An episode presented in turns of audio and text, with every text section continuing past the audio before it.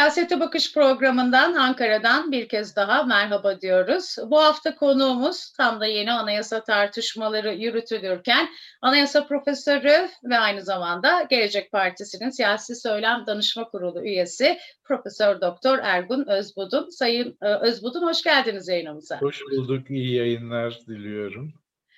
Şimdi 12 Eylül Anayasası'nın e, değişimi 40. yaşına gelecek gelecek yıl e, yeniden gündemde. Bugüne kadar 19 değişiklik yapılmış, e, 19 kez 184 maddede.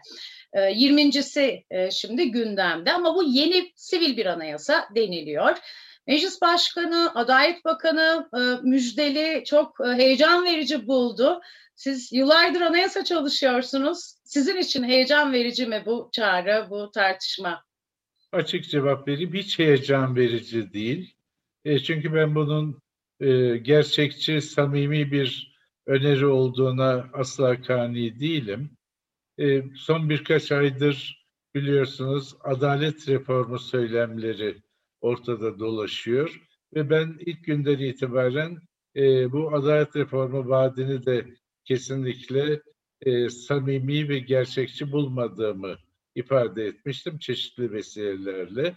Aynı şeyi bu yeni anayasa yapımı e, söylemi bakımından da tekrarlamak istiyorum. Gerekçelerini tabii izah evet. edeceğim. Nedeni? E, şimdi bu sistemi getiren mevcut iktidardır.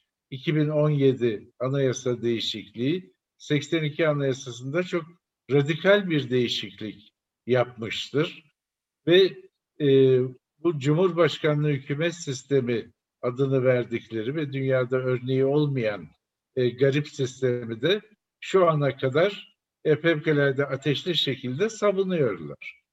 Parlamenter sistemi her türlü musibetin sebebi olarak gösterdiler yaklaşık dört senedir. E, dolayısıyla bu önerinin parlamenter sisteme e, geçiş vaadini içermesi mümkün değil. E, zaten gerek Sayın Bahçeli'nin beyanlarından e, gerek e, e, Cumhurbaşkanı'na çok yakın bazı isimlerin beyanlarından bu sistemin, bu hükümet sisteminin muhafazasının bir kırmızı çizgi olduğunu söylüyorlar. O zaman vaat edilen şey nedir, ne yapılacaktır? E, bu tamamen bir soru işareti olarak ortada. Öte yandan bütün muhalefet partileri, Cumhuriyet Halk Partisi, İyi Parti, Gelecek Partisi, Deva Partisi, hatta bir ölçüde Saadet Partisi e, hükümet sisteminde radikal bir değişikliği savunuyorlar. E biliyorsunuz aylardan beri bu tartışma cereyan ediyor ve onların hepsinin müttefik oldukları çözüm güçlendirilmiş ya da iyileştirilmiş gerçek bir parlamenter sistem. E, dolayısıyla ortada bir uzlaşma imkanı yok. Yani uzlaşma imkanı olmayan bir şeyin tartışmasına girmek de boşuna bir çaba olacak. Üstelik son olarak şunu da eklemek gerekir. Cumhur İttifakı'nın bu anayasa değişikliğini meclisten geçirecek bir aritmetik çoğunluğu yok. 360 oy asgari lazım. Ee, o da referanduma tabi olmak şartıyla. Oysa ikisinin toplamı 337 ediyor. Dolayısıyla muhalefet, mecliste temsil edilen muhalefet partilerinden e, oldukça ciddi bir destek gelmeden bunun meclisten geçmesine imkan yok. Meclisten geçmediği takdirde referanduma sunulmasına da hukuken imkan yok. E, dolayısıyla e, biz boşuna tartışıyoruz. Sonuçsuz kalmaya mahkum olan e, bir projeyi tartışıyoruz. E, bunu ifade etmek isterim. Evet. E, tabii burada şunu haklı olarak sorabilirsiniz. Neden bu tartışma evet açıldı mı? Muhtemelen soracaksınız. Ee, peki elbette AKP ve CHP, MHP yöneticileri bu parlamento aritmetiğinin farkındadırlar. O zaman böyle bir proje niye ortaya atıldı? E, ben bunu tamamen bir gündem değiştirme ve algı operasyonu olarak görüyorum. E, çünkü e, gerek e, ekonomik sorunlar, gerek sağlık sorunları e, ve buna bağlı olan tüm sorunlar giderek ağırlaşıyor. İktidar tartışmaların bu noktadan mümkün olduğunca uzaklaştırılmasını ve toplumun bir anayasa hayaliyle hiç değilse bir süre için oyalanmasını e, ve bu arada zaman kazanmayı tercih ediyor olabilir. Ben başka bir mantıki açıklama görmüyorum. Çünkü dediğim gibi e, bu gerçekleşmesi mümkün bir proje değil. Ama e, insanlar ekonomik durumu tartışacaklarına e, bunu tartışırlarsa iktidar cephesinde belki bir ferahlama yaratılmış olur. İnsanların dikkati ekonomik sorunlardan e, bu yana çekilir. Ben sahikin bu olduğunu düşünüyorum. Daha önce aslında muhalefet liderlerinin e, bu sistemde 50 artı biri bir daha Erdoğan'ın yakalayamayacağını ve e, bir parlamenter sisteme dönüşü hatta kendisinin gerçekleştirebileceği gibi yorumlarda bulunmuşlardı. Örneğin Akşener'in böyle bir değerlendirmesi olmuştu başka partilerden de. Hani bu tartışma açılıp ardından bu noktaya taşınabilir mi? Hiç sanmıyorum çünkü ateşle savundukları bugün dahi savundukları sistemin tam tersidir. E, muhalefet partilerine savunduğu anlamda bir e, parlamenter rejime geçiş. E, şu anda da e, demin zikrettiğim beyanlar Sayın Bahçeli'nin ve diğer yetkililerin beyanları buna bir kırmızı çizgi olarak vasıflandırıyor. E, Sayın Akşener'in beyanı sadece bir faraziye idi. O da e, böyle bir ihtimalin olmayacağını e, mükemmelen biliyor tabii. Fakat buna yanaşırlarsa görüşürüz dedi. E buna yanaşmayacakları da yanaşma ihtimalinin olmadığı da açık. E, dolayısıyla yani e, bu tür oturur görüşürüz tarzı beyanlar e, gerçekçi değil. Şimdi 12 Eylül Anayasası çok tartışıldı, çok konuşuldu. Evet. Sivil yeni bir anayasa. Türkiye'nin de ihtiyacı. Ee, siz de 40-50 yıl bunun üzerinde çalışmışsınız. Evet, evet. Kaç yıl efendim? E vallahi asistanlarımı da katarsanız 60'a yakın. 60 yıldır bunu çalışıyorsunuz. Birden birden fazla anayasada bu anlamda gördük. Maalesef aynı şeyleri 60 yıldır da tekrarlıyoruz. Onu da kaydedeyim. Şimdi 12 Eylül Anayasası'nın gerçekten yenilenmesi adına yani bunun e, yeni bir anayasa nasıl bir toplumsal koşulda e, sizce yapılabilir? Ve e, onca yıllık tartışmanın birikimin üstüne çünkü çok fazla da çalışma yapıldı. Mecliste bir külliyat var aslında bakarsanız. Tabii, tabii. Olmazsa olmazları bir parlamenter sistem anladığım kadarıyla ama bunun yanı sıra olmazsa olmazları ne olur diye geniş bir soru oldu ama kısaca sizden yanıt almam mümkün mü? Şimdi başta söylediğinize değinecek olursak 1982 e, Anayasası'nın bir darbe anayasası oldu. Bilinen bir gerçek. Dolayısıyla e, o anayasanın e, şekillenmesinde de Milli Güvenlik Konseyi belirleyici rol oynamıştır. E, ve e, bir takım vesayet mekanizmaları inşa etmiştir anayasanın bünyesinde.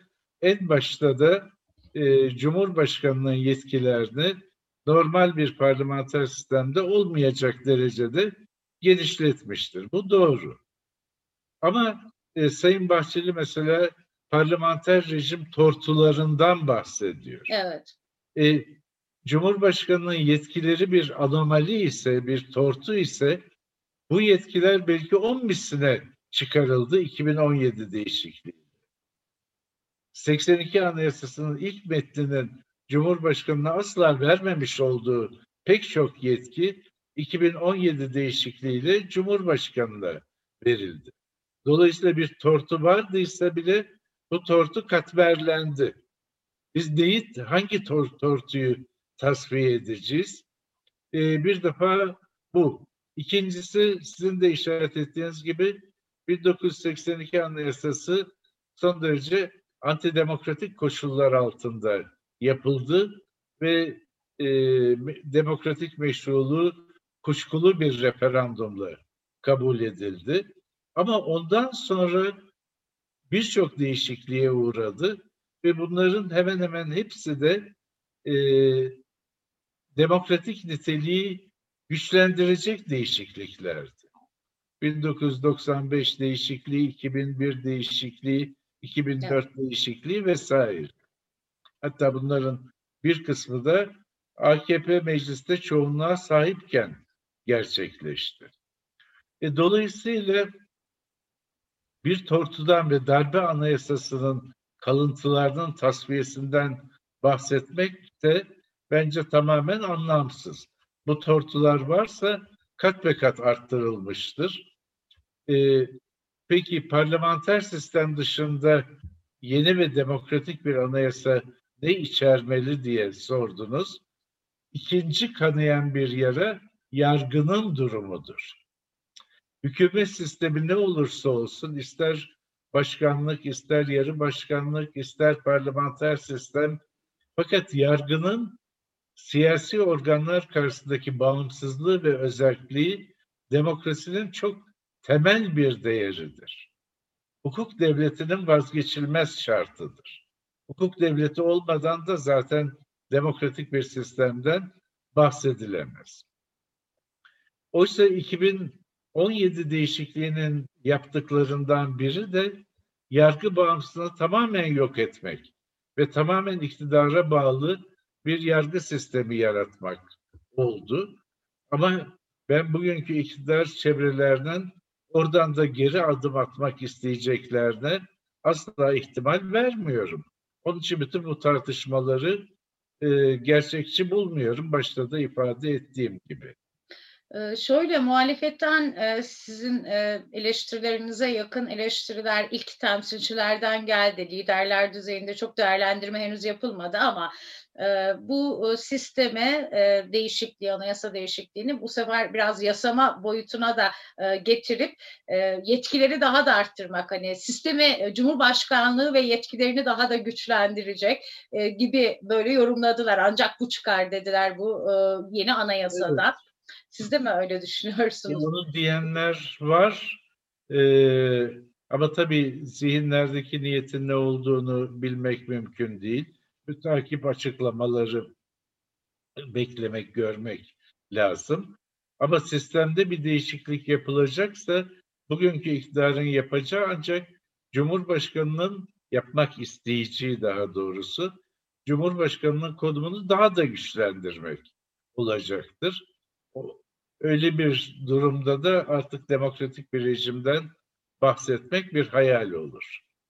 Şimdi iktidar cephesi e, bunu hazırlayıp meclise sunmayı e, planlıyor. Cumhur İttifakı olarak bir anayasa değişikliği, yeni bir anayasa önerisiyle gelirlerse sürpriz olmayacak. Aslında bu çalışmaya muhalefet daha erken başladı ki siz Gelecek Partisi'nin e, güçlendirilmiş parlamenter evet. sistem modelini hazırlayan akademisyenlerdensiniz. Doğru.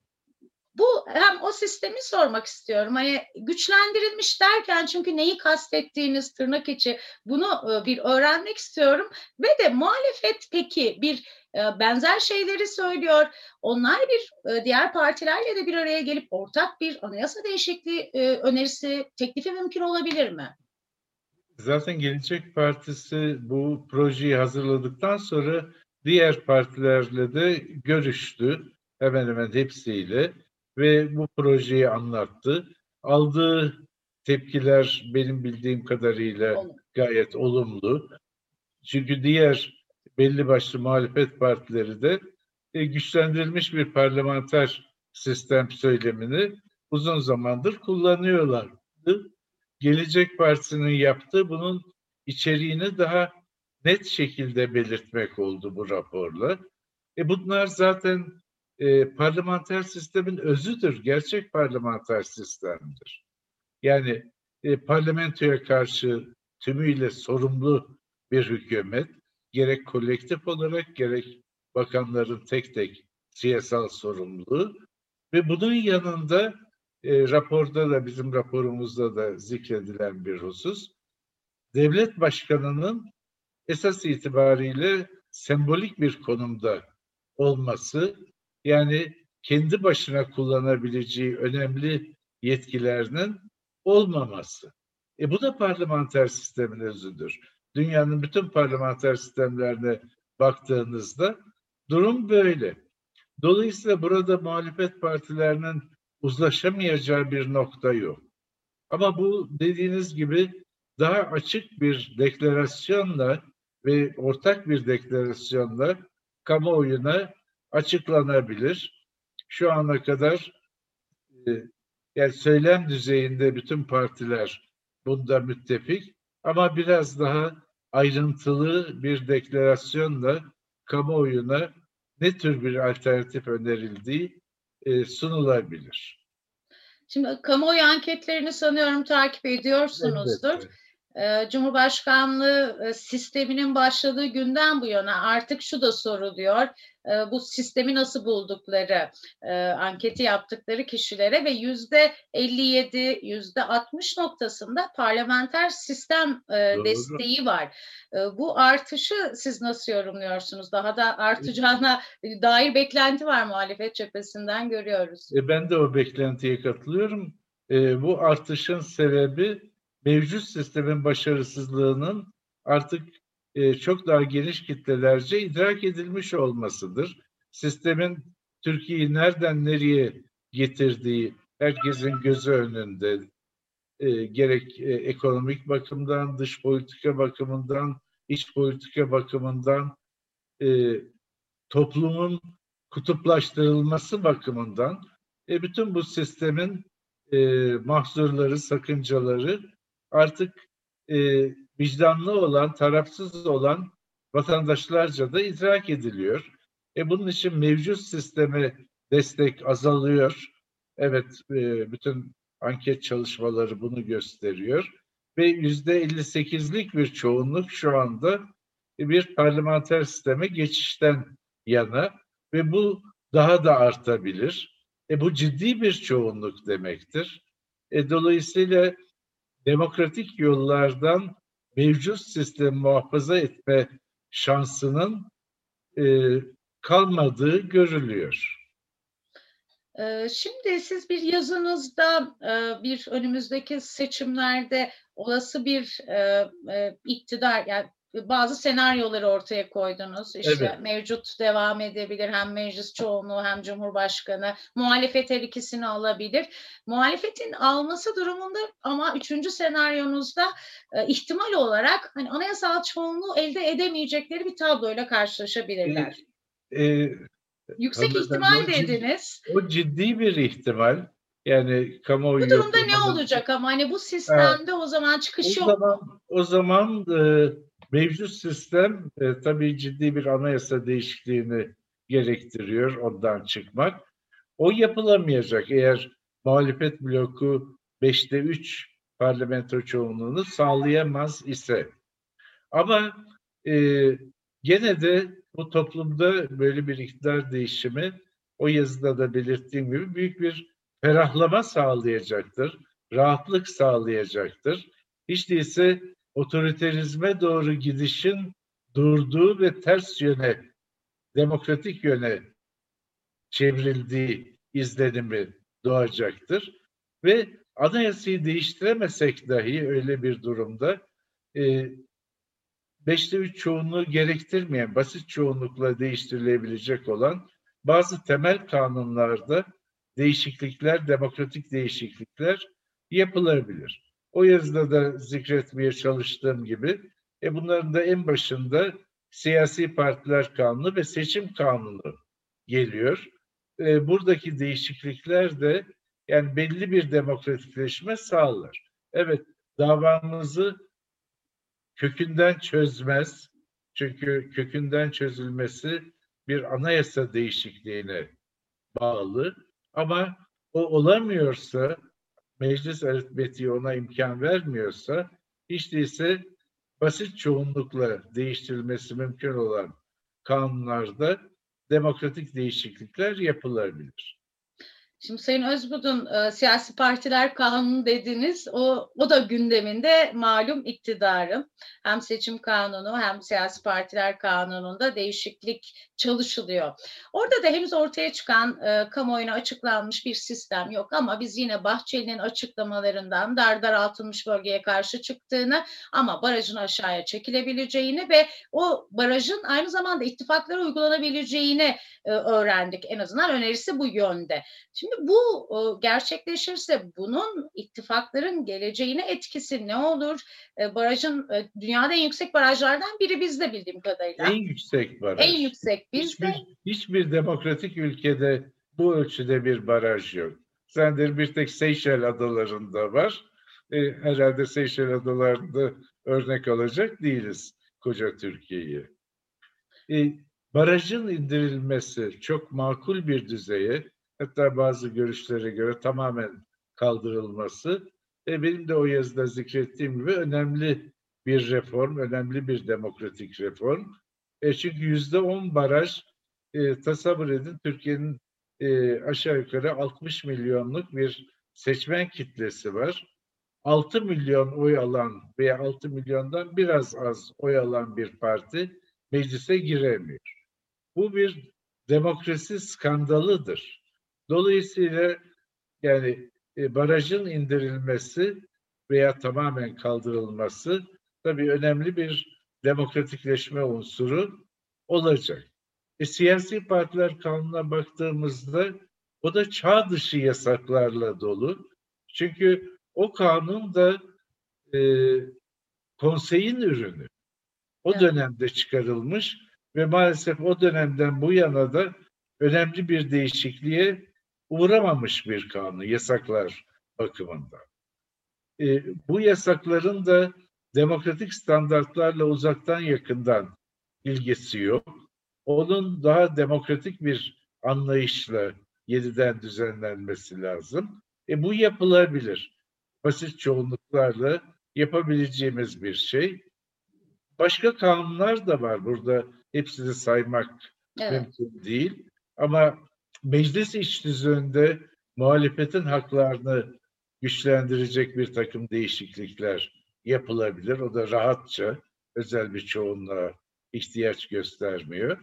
Dolayısıyla hani sorunu kökünden çözmez ama e, ciddi bir demokratik iyileşme de bu kanunları değiştirme yoluyla sağlanabilir. Şimdi bir de Anayasa Mahkemesi'nin son dönem kararları ve bunun uygulanmamasını daha doğrusu konuşuyoruz. Ee, bu konuda da bir değerlendirmenizi almak istiyoruz. Şimdi daha önce de aslında Şahin Alpay kararında e, aynı durum yaşandı. Şimdi Berberoğlu kararı var e, ve Anayasa Mahkemesi ikinci kez ihlal kararı verdi ama kararda çok dikkat çekici bir nokta vardı. E, anayasayı korumak sadece Anayasa Mahkemesi'nin görevi değil, diğer kurumların diyor meclise, HSK'ya bu anlamda pas atıyor. Bu kararını, bu kararın uygulanmamasını ve en son aldığı son kararı nasıl değerlendiriyorsunuz bir anayasacı olarak? E, kararın uygulanmaması başka bir hukuki skandal. E, bu skandalın gerçekleştiği bir ülkede adalet reformu söylemlerine inanmak mümkün değil. E çünkü Anayasa Mahkemesi kararlarının kesinliği kapı gibi bir anayasa hükmü. E bunu Sayın Adalet Bakanı da ifade ediyor ve uygulanması gerekir diyor.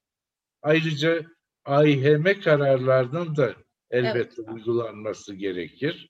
Ama bazı yerel mahkemeler e, tamamen anlaşılmaz veya siyasi açıdan anlaşılabilir bir tutumla e, bunlara uymayı reddediyorlar. Yerel mahkemenin asla böyle bir yetkisi yoktur. Anayasa Mahkemesi kararları bağlayıcıdır ve kesindir. E, dolayısıyla burada e, söylenecek bir söz yok. Yani değerli meslektaşım e, Kemal Gözler'in daha 2017 e, referandumu sırasında yazdığı bir kitap var. Elveda Anayasa başlığını taşıyor. E, böyle bir duruma da elbette elveda anayasa demek lazım. E, daha hafif bir tabir kullanmak mümkün değil. Ee, Sayın Özbudun çok teşekkür ediyorum. Ee, Ben siyasete bakışta konuk Ee, ettik sizi. zevkli bir sohbet oldu. Davetinize teşekkür ediyorum. İyi yayınlar diliyorum. Sağ olun. Siyasete bakıştan Ankara'dan seslendik. Gelecek hafta tekrar buluşmak üzere. Bugünlük hoşçakalın.